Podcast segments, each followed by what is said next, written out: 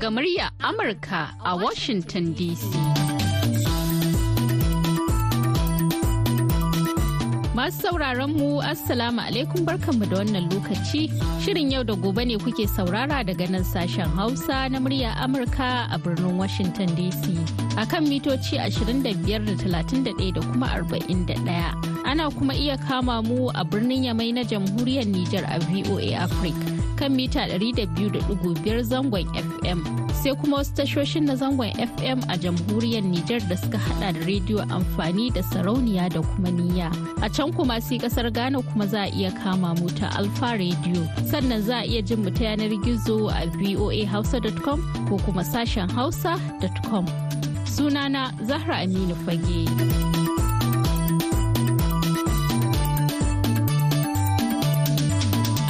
Alhamis 29 ga watan Fabrairu na shekarar 2024. Shirin yau da gobe zai leƙa kamaru tare da wakiliyarmu Maimunatu Sado. Inda a yau shirin namu zai tattauna akan muhimmancin iya girki ga ɗiya mace. Sannan za mu leƙa filin mu sai a gyara zama a kasance tare da shirin yau da gobe.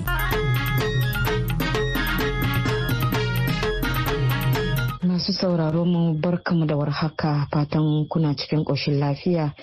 Shirin yau da gobe da ni mai mutu zato zan tattauna da wato manyan bakinmu waɗanda na zuwa an jima za su gabatar da kansu. Sa'annan kuma za mu shiga cikin wato ainihi wannan shirin ɗin wanda batu dai da za mu tattauna a kai akan wato muhimmancin iya girkin iya mace. Wannan batu eh, yana da muhimmanci sosai. Shi yasa na gayyace wa'annan wato malaman ko malamai dai waɗanda wato za mu yi ƙoƙarin tattaunawa a kai. To barka dai malama habiba mahmud. Fatan dai an zo lafiya. Saboda malaman biyu ne akwai kuma wato malam Dr. Yaya Amayokan kai ma barka da zuwa. Madalla kamar yadda dai muka na magana ɗazuwa kan cewa za mu shiga wato cikin wannan batun gadan-gadan da kuma ainihi fahimtar muku da kai game da wato muhimmancin iya girkin mace tare da wannan manyan bakin ɗin. Menene muhimmancin iya girki ga mace? أعوذ بالله من الشيطان الرجيم بسم الله الرحمن الرحيم الحمد لله والصلاة والسلام على أشرف الأنبياء والمرسلين نبينا محمد صلى الله عليه وسلم ما بعد السلام عليكم ورحمة الله وبركاته نتي حبيبة محمود to malama maimunatu kamar yadda kika bukata lallai tabbas muhimmancin girki iya girki ga ya mace wata aba ce mai matukan muhimmanci sosai ga ya mace. Yanzu idan ma kika lura a wannan zamani da muke ciki maza na iya yin girki a koya musu girki su koya har su su a kashe kuɗi a koyar da su girki fannoni daban-daban na ƙasashe daban-daban. da sai idan akwai wanda tafi cancanta ta iya wa'annan nau'o'i na girki daban-daban ya mace ce ba domin komai ba sai dai domin ta daɗaɗa wa mai gidanta da shi. Shin kamar a wasu shekaru ne kika ga cewa za iya a fara tarbiyyatar da yarinya game da wato yin girki wato kamar mamarta ta dinga janta zuwa kicin kamar a wasu shekaru ne. Yarinya za ta fara iya zuwa taimakon mamarta a kicin har wato mamar ta fara eh, karantar da ita ko horar da ita batun maganar zancen girki. Shekaru da ya kamata yarinya ta fara koyon girki wanda mamanta za ta jawo ta a jiki ta koya mata girki a ka'ida dai ya kamata shekara bakwai. Tunda annabi sallallahu alaihi wasallam ma ya karantar da mu yadda za mu koya wa 'ya'yayenmu sallah da ya ce a shekara bakwai mu ladabtar da su da yin sallah mu koya musu yin sallah wanda zaki ga ba a shekara bakwai suke sallah ba. Yaro tun yana da shekara biyar ya fara koyon sallah. Ashe a wannan matakin din ne ya kamata uwa mahaifiya ta koma jawo yarta na gyare-gyare dan haɗa min kayan miya dan yi kaza yi kaza. Tana nuna mata daga nan zuwa har shekara goma. Zaki ga wata 'ya shekara goma ma ta fara iya dafa nau'o'in abinci kala-kala wanda abin burgewa ne da wannan shekarun din. Ga uwa ma za ta iya fita ta bar 'yar shekara goma da kanninta domin ta san ta iya wa'yansu nau'o'i na abinci daban wanda hakin ga in mahaifinta ma ya dawo mamala malama maimunatu zaki da ya kira ta a sanadiyar mahaifiyarta ta yi balaguro za ta yi musu wani abincin daga ɗan shinkafa da fadukan shinkafa har ta yi musu miyan romo da shinkafa da wani abun da ya sawwaka wanda idan mahaifiyan ta kai kololuwa da koya mata girki a wannan shekarun zaki da cewa ta iya nau'o'i daban-daban har da irin su kayan salad nan su fruit ta iya haɗa su saboda mahaifiyarta ta koya mata tun daga wannan shekaru har zuwa shekara goma zuwa ga abun da ya ɗora. Shin kina gani tilas ne ya mace ta iya yin girkin ɗin ko dai yaya. Saboda akwai wasu malamai a baya da muka ji suna a cikin fatawoyinsu suna maganar cewa ba dole ba ne wato mace ta dinga yi wa mijinta girki ko kuma wasu hidima masu ƙarfi a gida. Ba wai dole ba ne batun maganan zancen girki saboda suna gani kamar cewa ainihin mace ita a bace wacce za a ajiye ta ne kawai saboda ta keɓe wa mijinta kewa ta yi mai ado da sauransu. Shin ke kina ganin hakan ne ba dole ne mace ta wato ta yi ta iya girki ba ko kuma ta yawa mai gidanta girki? tilas ne ga ya mace ta koyi girki domin me yasa na ce miki tilas ne a ga ya mace ta koyi girki zaki ga wata wani ɗa namijin ya auro mace da bata iya girki ba. Yakan iya ƙoƙari ya jawo hankalinta idan idan ya iya ya dan nuna mata amma idan ba mace mai mayar da hankalinta ba ne yakan iya jawo hankali har ya kai ga batanci har da kai da jayayya ya mace ta koma gida ta je ta koyo wannan girkin da bata iya ba. Lalle ya kamata mace ta iya girki ta dafa wa mijinta abinci saboda ɗebe masa kewan waɗansu abincin da zai je ci a waje. Domin duk namijin da yake fita cikin gidansa ba tare da ya ci abin da matarsa take dafa masa ba ya je aiki haka ya je ci abinci. Yau zamani ya kawo ma wanda za ki ga mace a waje ta dafo abinci ta kawo wa miji wajen aiki wanda ba matarsa ba ce kawai domin tana la'akari. Wannan zamani ne na la'akari da mata suke da abubuwan da maza suke ciki yau da gobe yau da gobe hakki ga in ba ta da aure sanadiyan ɗanɗana abincin wata mata da yake yi ya je ya jawo mata cewa ta kai ga tana yana son wannan matan saboda ya lura da cewa ta iya girki a halin matarsa ta gida kuma bata iya ba. A sai malama maimunatu kin ga tilas ne mace ta koyi girki kuma gurin koyon girkin ma ta fanni daban-daban. Shin kina gani rashin iya girkin ya mace sakaci ne na iyaye mata ko dai yaya.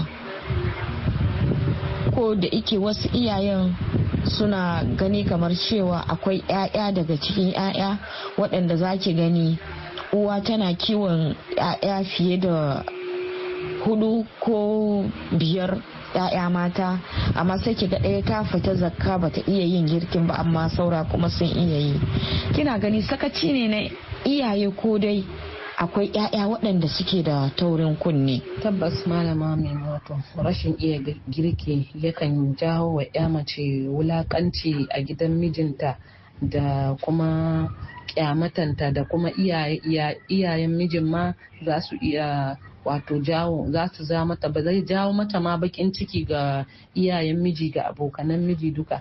Domin a duk lokacin da miji zai zo cikin gida yana bukatan abinci yana tunanin matarsa wani irin abinci za ta fito wa abokanansa da shi gashi bata iya girki ba ya san cewan bata iya ba. To a hakan din dangi ma duk za su dinga zuwa gida har yaushe yar aiki za ta dinga dafa miki abinci. Duk matan da ta san ta kai ta kawo ta cika ya mace wacce take son abin kwatance. Domin akwai wajeje da yawa da namiji yake son matansa saboda wayannan abubuwa. Daga ciki akwai iya girki. Wallahi ba don mace tana da kyau tana da tsafta tana da duk wani abun da ya kamata ba ki duba ki gani duk wata matan da take bata iya girki ba ma ba ta da tsafta. Eh domin idan a wajen girkin ka ake gane matan da ta iya take da matan da take iya girki take da tsafta. Allahu ko yawan boko da ake barin yara suke yi idan suka dawo iyaye sun riga sun girki ko kuma an ɗauki 'yar aiki wacce take yin girki a gida? Inda har zuwa gaba za iya a kai yarinya aiki kuma za iya a kai yarinya gidan miji ba tare da kuma ta iya girkin ba. A'a malama Maimunata sam yawan boko baya kawo Uh, rashin iya girki ga ya mace a duk lokacin da yarinya take boko ai ba kullum wato ba a koda yaushe take kasancewa daga ƙarfe ce bakwai na safiya har zuwa ƙarfe goma na dare take kasancewa a wajen wannan boko ba. Sam wannan baya iya jawo rashin iya girki ga ya mace.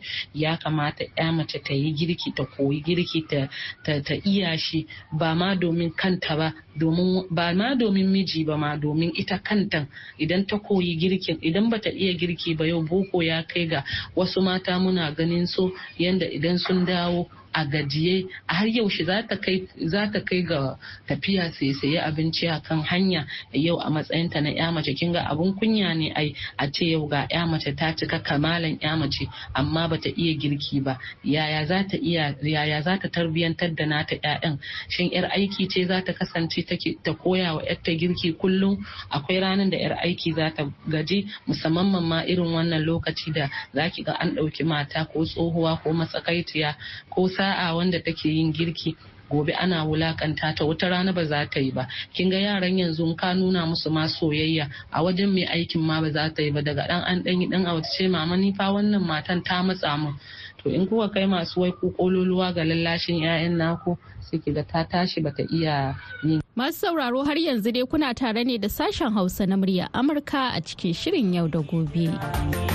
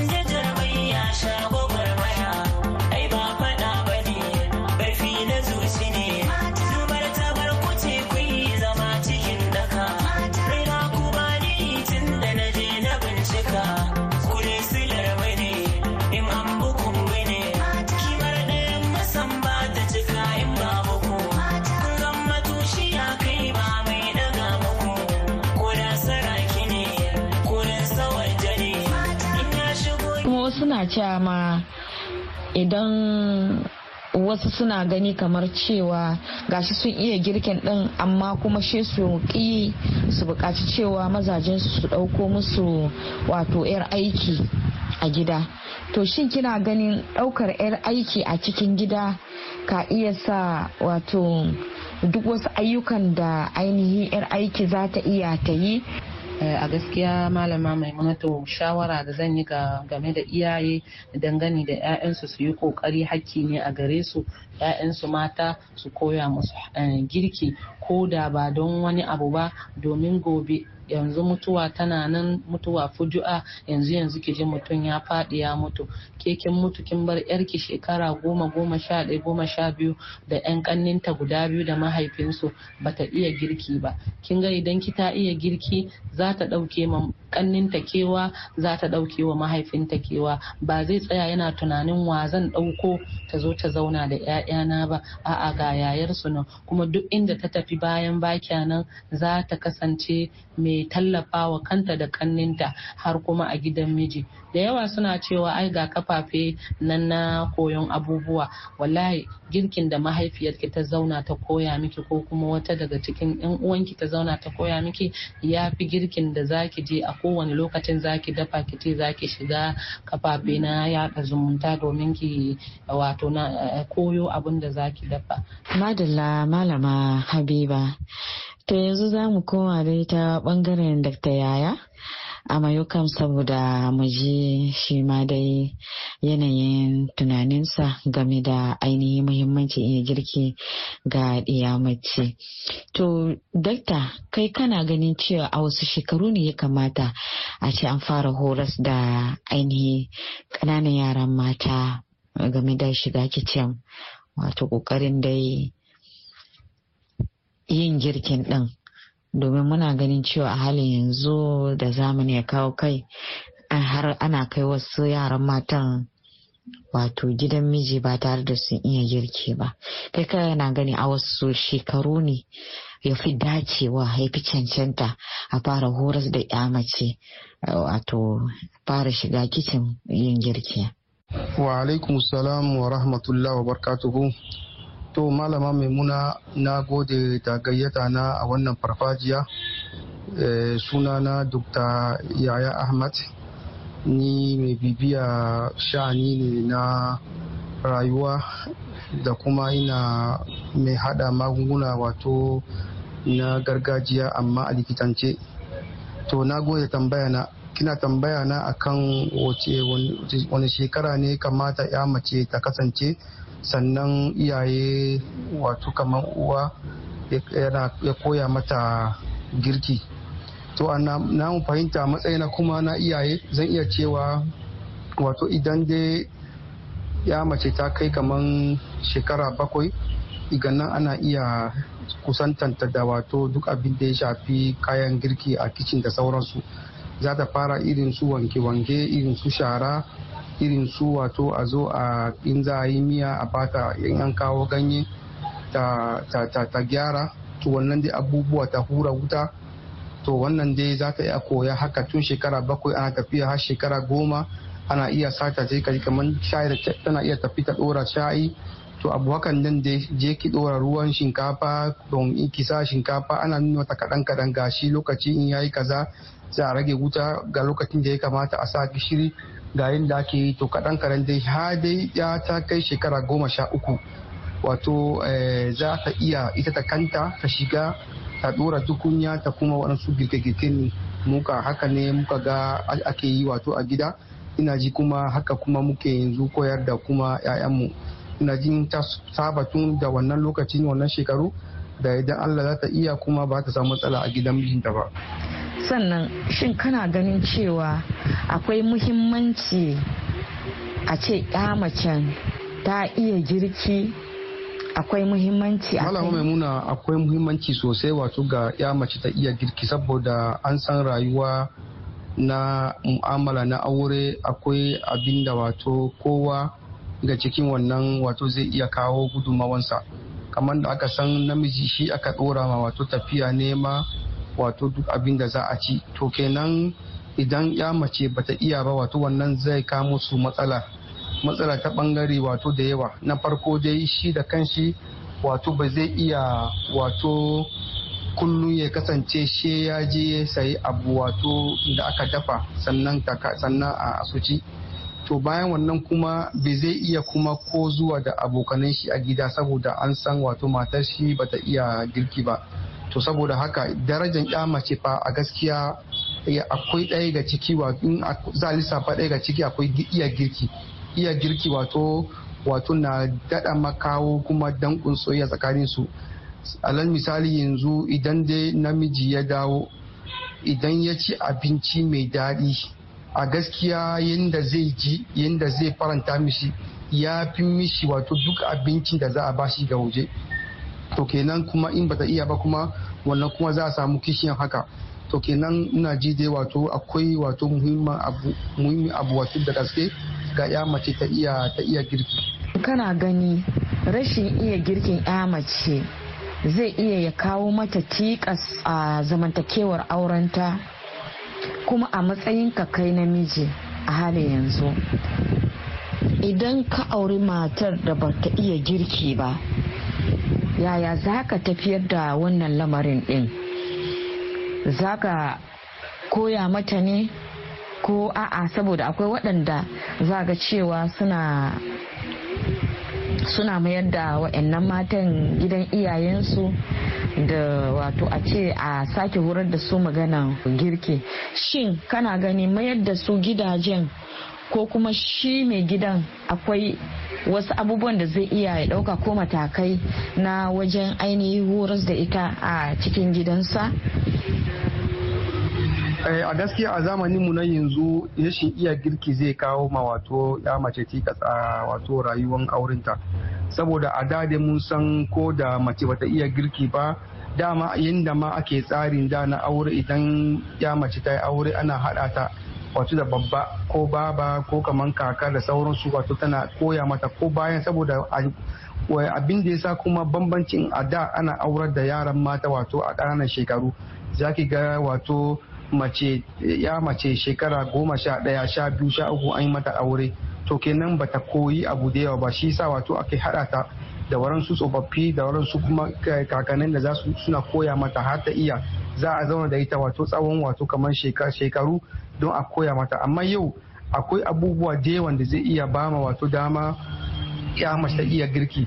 Mun san yanzu ko a ta ɓangaren wato ranar gizo ana ga abubuwa da yawan da za a iya koya. Akwai waɗansu program musamman da ake samu wato akan akan akwai kuma karatu kuma da ake akwai karatu akwai sukul musamman da ake yau na tafiya koya wato da abinci ta kowane iri. Kafin mu karkare shirin namu za mu leƙa filin kwalamar mu.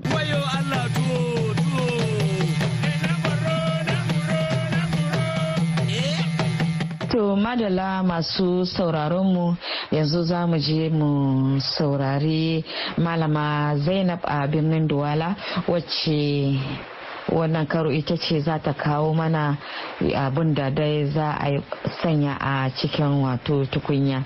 Insha Allah rabbi muna tare da hajiya zainabu ali yanzu. Assalamu alaikum warahmatullahi wabarakatuh hajiya zainabu fatan alkhairi a gare ki fatan dai kina cikin koshin lafiya. Yau dai me za a saka mana a tukunya? Insha Allah rabbi. Wa alaikum salam wa rahmatullahi malama maimunatu abin da na kawo muku wallahi mai sauƙi ne da sauƙin kuɗi kuma. Yanzu abin na kawo muku dai dankalin turawa ne abin da zan ɗan girka muku domin lokacin azumi na gabatowa. Ɗan kayan kwaɗayi-kwaɗayi haka yanzu ake so a wannan watan ɗin. Shi ne ce bari ɗan kawo muku don waɗansu za su amfana da shi. Yanzu abin da ake so ana son dankalin turawa. Ana son ganyayyakin kanshi ana son sinadarin ɗanɗano magi kenan. Ana son albasa da, da tafannuwa don akwai wanda suke son tafannuwa akwai wanda ba sa cin tafannuwa yanzu zan ɓare dankalin turawa na. In ɓare akwai wanda suke so su girka shi ɗaɗɗaya hakan nan. Akwai kuma wanda suke iya su yanyanka shi ƙanana ƙanana. Sannan a dafa.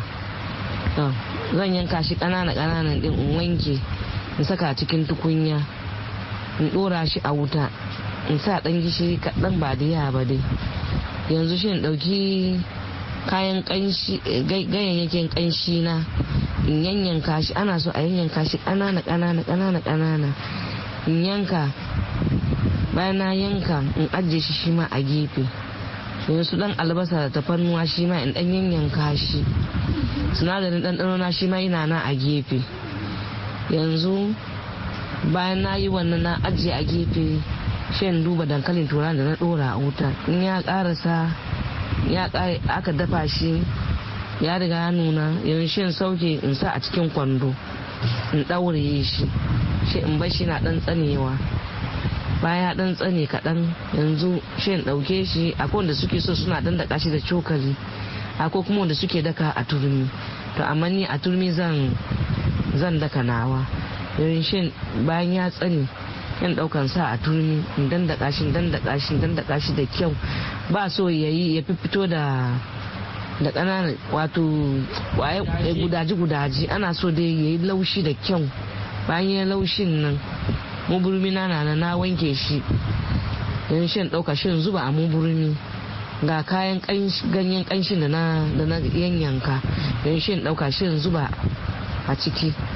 Bayan wannan ga su dan albasa duka duk sai zuba a ciki. Don shan hada in hada bayan na hada shi ya hadu yan shin ɗauki sinadarin ɗanɗano na magi kenan. Yan shin zuba shi ma a ciki.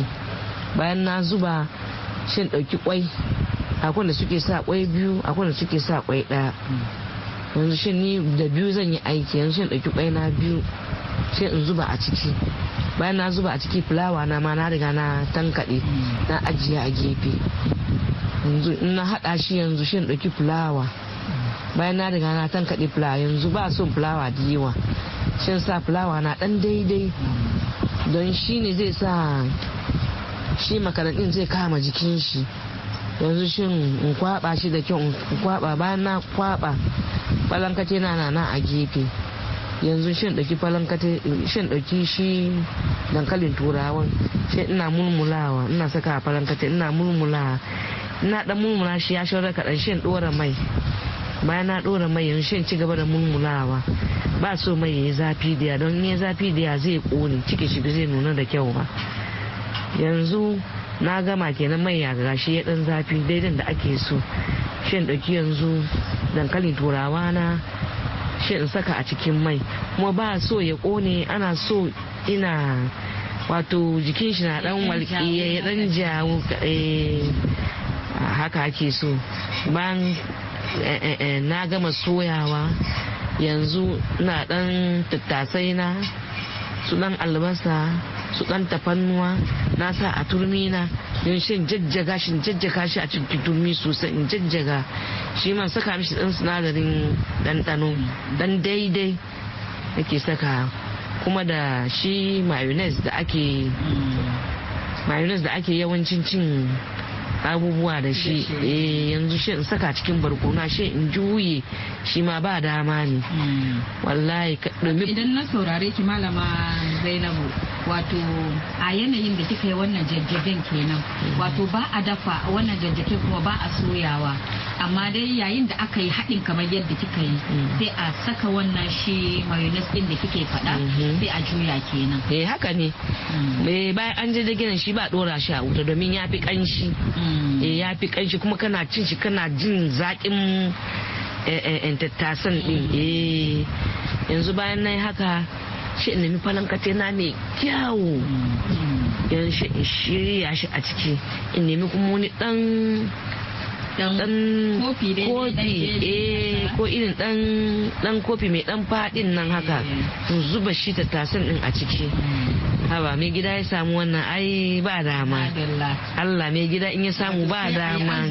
eh jam. idan irin dan ciman la'asar ne eh eh shi a dan ci. Haka ne kam haka ne. Madalla malama Zainabu godiya muke ga wannan karin haske da kika yi mana game da wannan abin makulashin din godiya Allah ya saka da alkhairi. Amin amin fatan cewa nan zuwa gaba idan muka neme ki ko na ce muka sake gayyatar ki game da ainihi batun magana zancen girke-girke kina iya kuma ki sake amsa gayyata. A zan zo mana. Ki assalamu alaikum wa rahmatullahi wa barakatuh. Wa alaikum salam wa rahmatullahi wa barakatuh. To masu kallo da sauraro a nan da muka kawo ƙarshen wannan shiri. Da fatan dai kun saurari wannan shiri lafiya tare da manyan baƙi na muke ce da ku. Assalamu alaikum wa rahmatullahi wa barkato sai wani mako idan allah mai kowa mai komai ya so.